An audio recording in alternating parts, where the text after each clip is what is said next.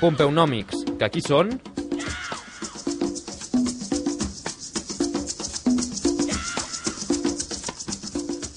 I per començar la temporada i el primer programa, quina millor manera que parlar d'economia i de diners. Allà tinc al meu costat els Pompeunòmics, que ens venen a portar l'actualitat econòmica, política i empresarial del país. Avui ens acompanyen Bernat Mallent, bona tarda. Bona tarda. I l'Àlex López, bona, Bona tarda. tarda. Ells són els editors de la pàgina web pompeonomics.com i bé, doncs això, eh, parlarem una miqueta del, del dia a dia de, de l'economia. Avui, per començar, parlarem d'un tema que tota aquesta setmana sembla que, que ha agafat molta importància, que és els desnonaments per, per la, la gent que no està pagant la seva hipoteca i bé, que el banc està fent fora la gent de casa seva.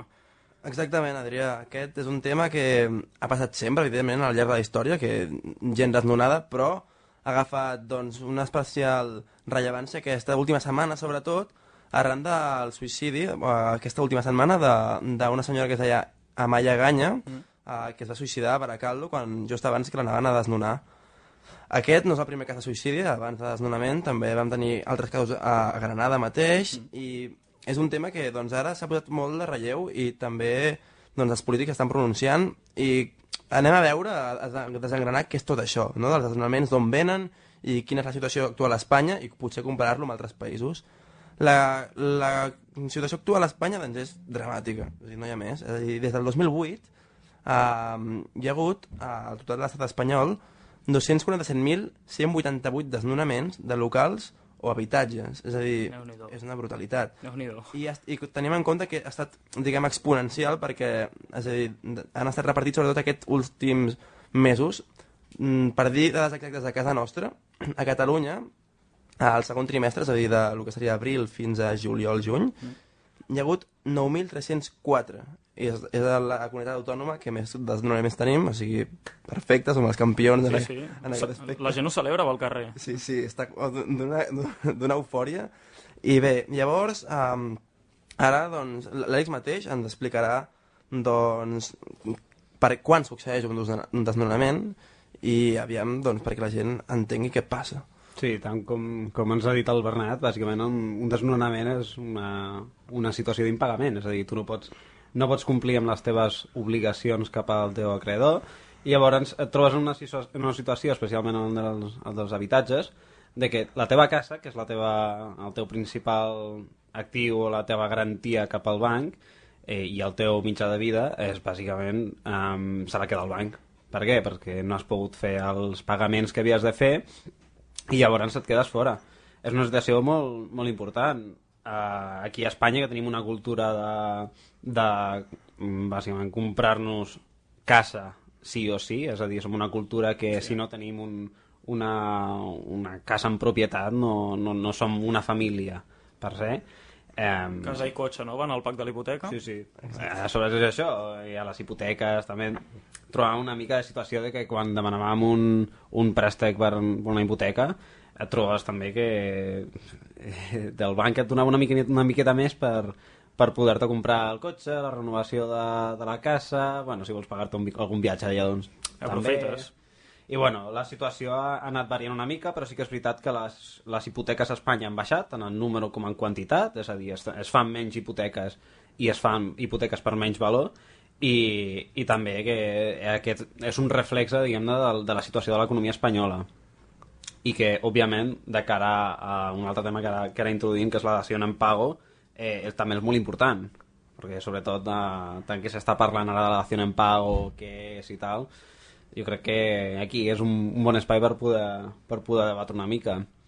La, la dació en pago, bàsicament, és poder donar la teva casa eh, com pagament per, la, per les, les deutes que tenies amb el teu banc. Això aquí no es fa, però altres països sí. Exacte, l'exemple que es posa sempre per, per antonomàcia és el dels Estats Units, Sí. que tu pots donar tranquil·lament per tot, lo bo i lo dolent. Eh, però pots donar la teva casa en pagament per, per, les, per les deutes que tenies. Aquí a Espanya doncs, encara no, no tenim la, la figura aquesta, però sí que és veritat que seria una molt bona idea de- d'introduir. Exacte. I, clar, llavors la, la gent es pregunta mm, per què, per què no apliquem la dació en pago. És un problema tan senzill, no? Doncs sí, aquí tenim un problema, que és que la gent acabava desnonada i a sobre amb deute, perquè clar, la foten fora de casa per l'enclar I ha de català seguir pagant. i ha de seguir pagant, no? És, aquí, doncs, no sé, cadascú vegi com ho vegi, jo ho veig una mica fort, i la dació en pago elimina aquest problema, però llavors és, tan, realment és blanc i negre.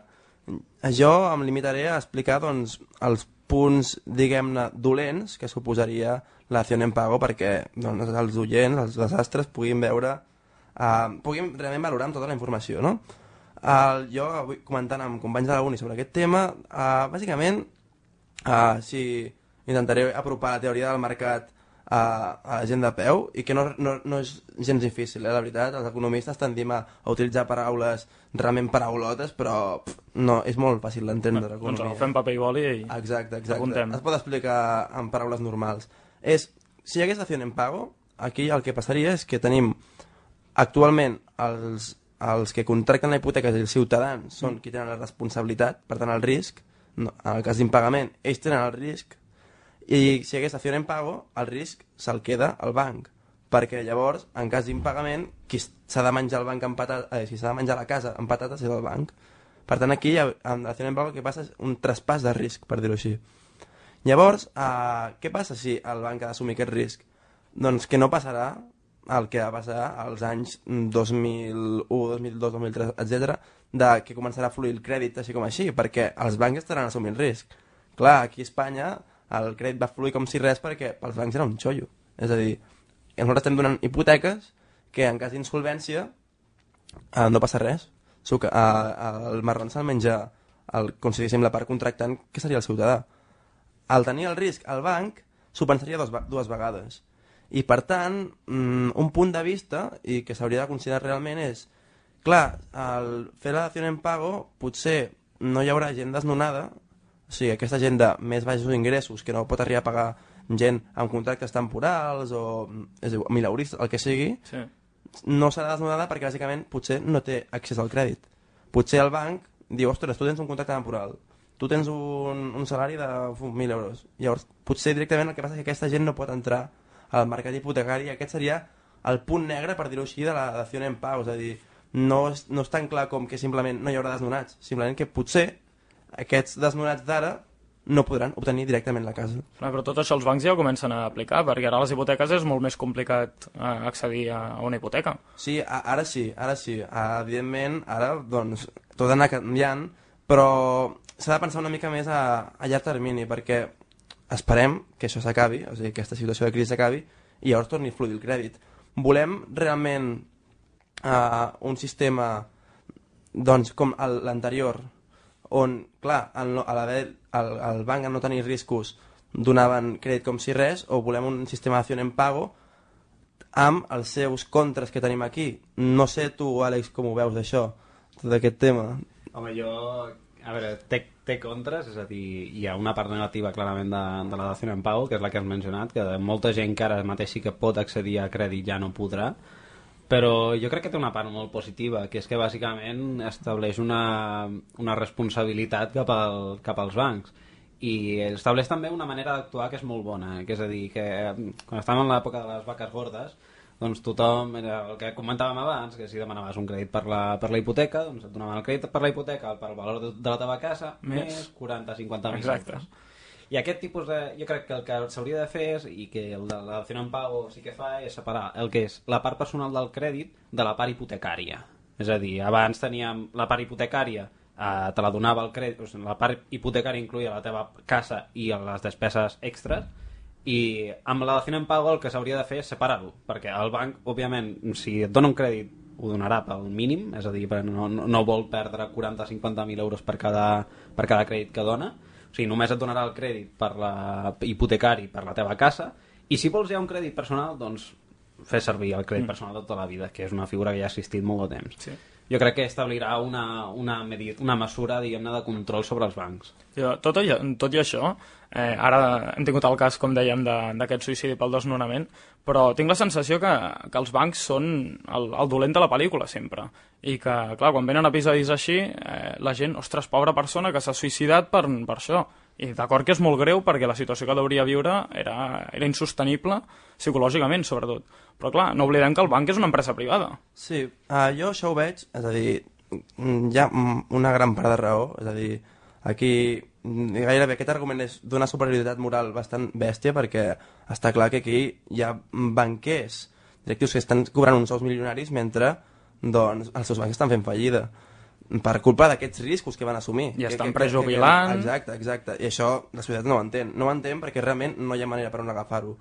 Però bé, aquí el que passa és que el banc és, és una entitat privada i, i vol fer benefici. I per tant, aquí qui l'ha de regular ha de ser el sistema polític. És a dir, nosaltres si, si establim un sistema polític on, feta la llei, feta la trampa, és a dir, on els bancs puguin maximitzar benefici independentment de l'ètica, aquí es farà. Per tant, i llavors jo només, um, per tema d'acabar, um, volia llançar una reflexió final, que és el fet de... Bé, aquí estem parlant molt de, doncs, de tot el tema dels bancs i tal, però hi ha un, aquí hi ha un tema de trasfons més important, que és a dir, com pot arribar a haver suïcidis perquè et desnonin? És a dir, en quin moment la societat va arribar a pensar que per ser feliç necessitàvem una casa, una casa i un cotxe, que és el que hem comentat abans? En quin moment la societat va pensar que si no tenies una casa i un cotxe no valia la pena viure i ens vam suïcidar? Doncs amb aquesta pregunta que, que llancem a l'aire ens despedim d'aquesta setmana i tenim una setmana més fins dimarts que ve per, per pensar sobre això i aquesta difícil situació que, que estem vivint tots. Fins un altre dia. Moltes gràcies, sobretot recordeu d'entrar al blog pompeunomics.com i en allà trobareu tota l'anàlisi que fan, que fan els nostres companys.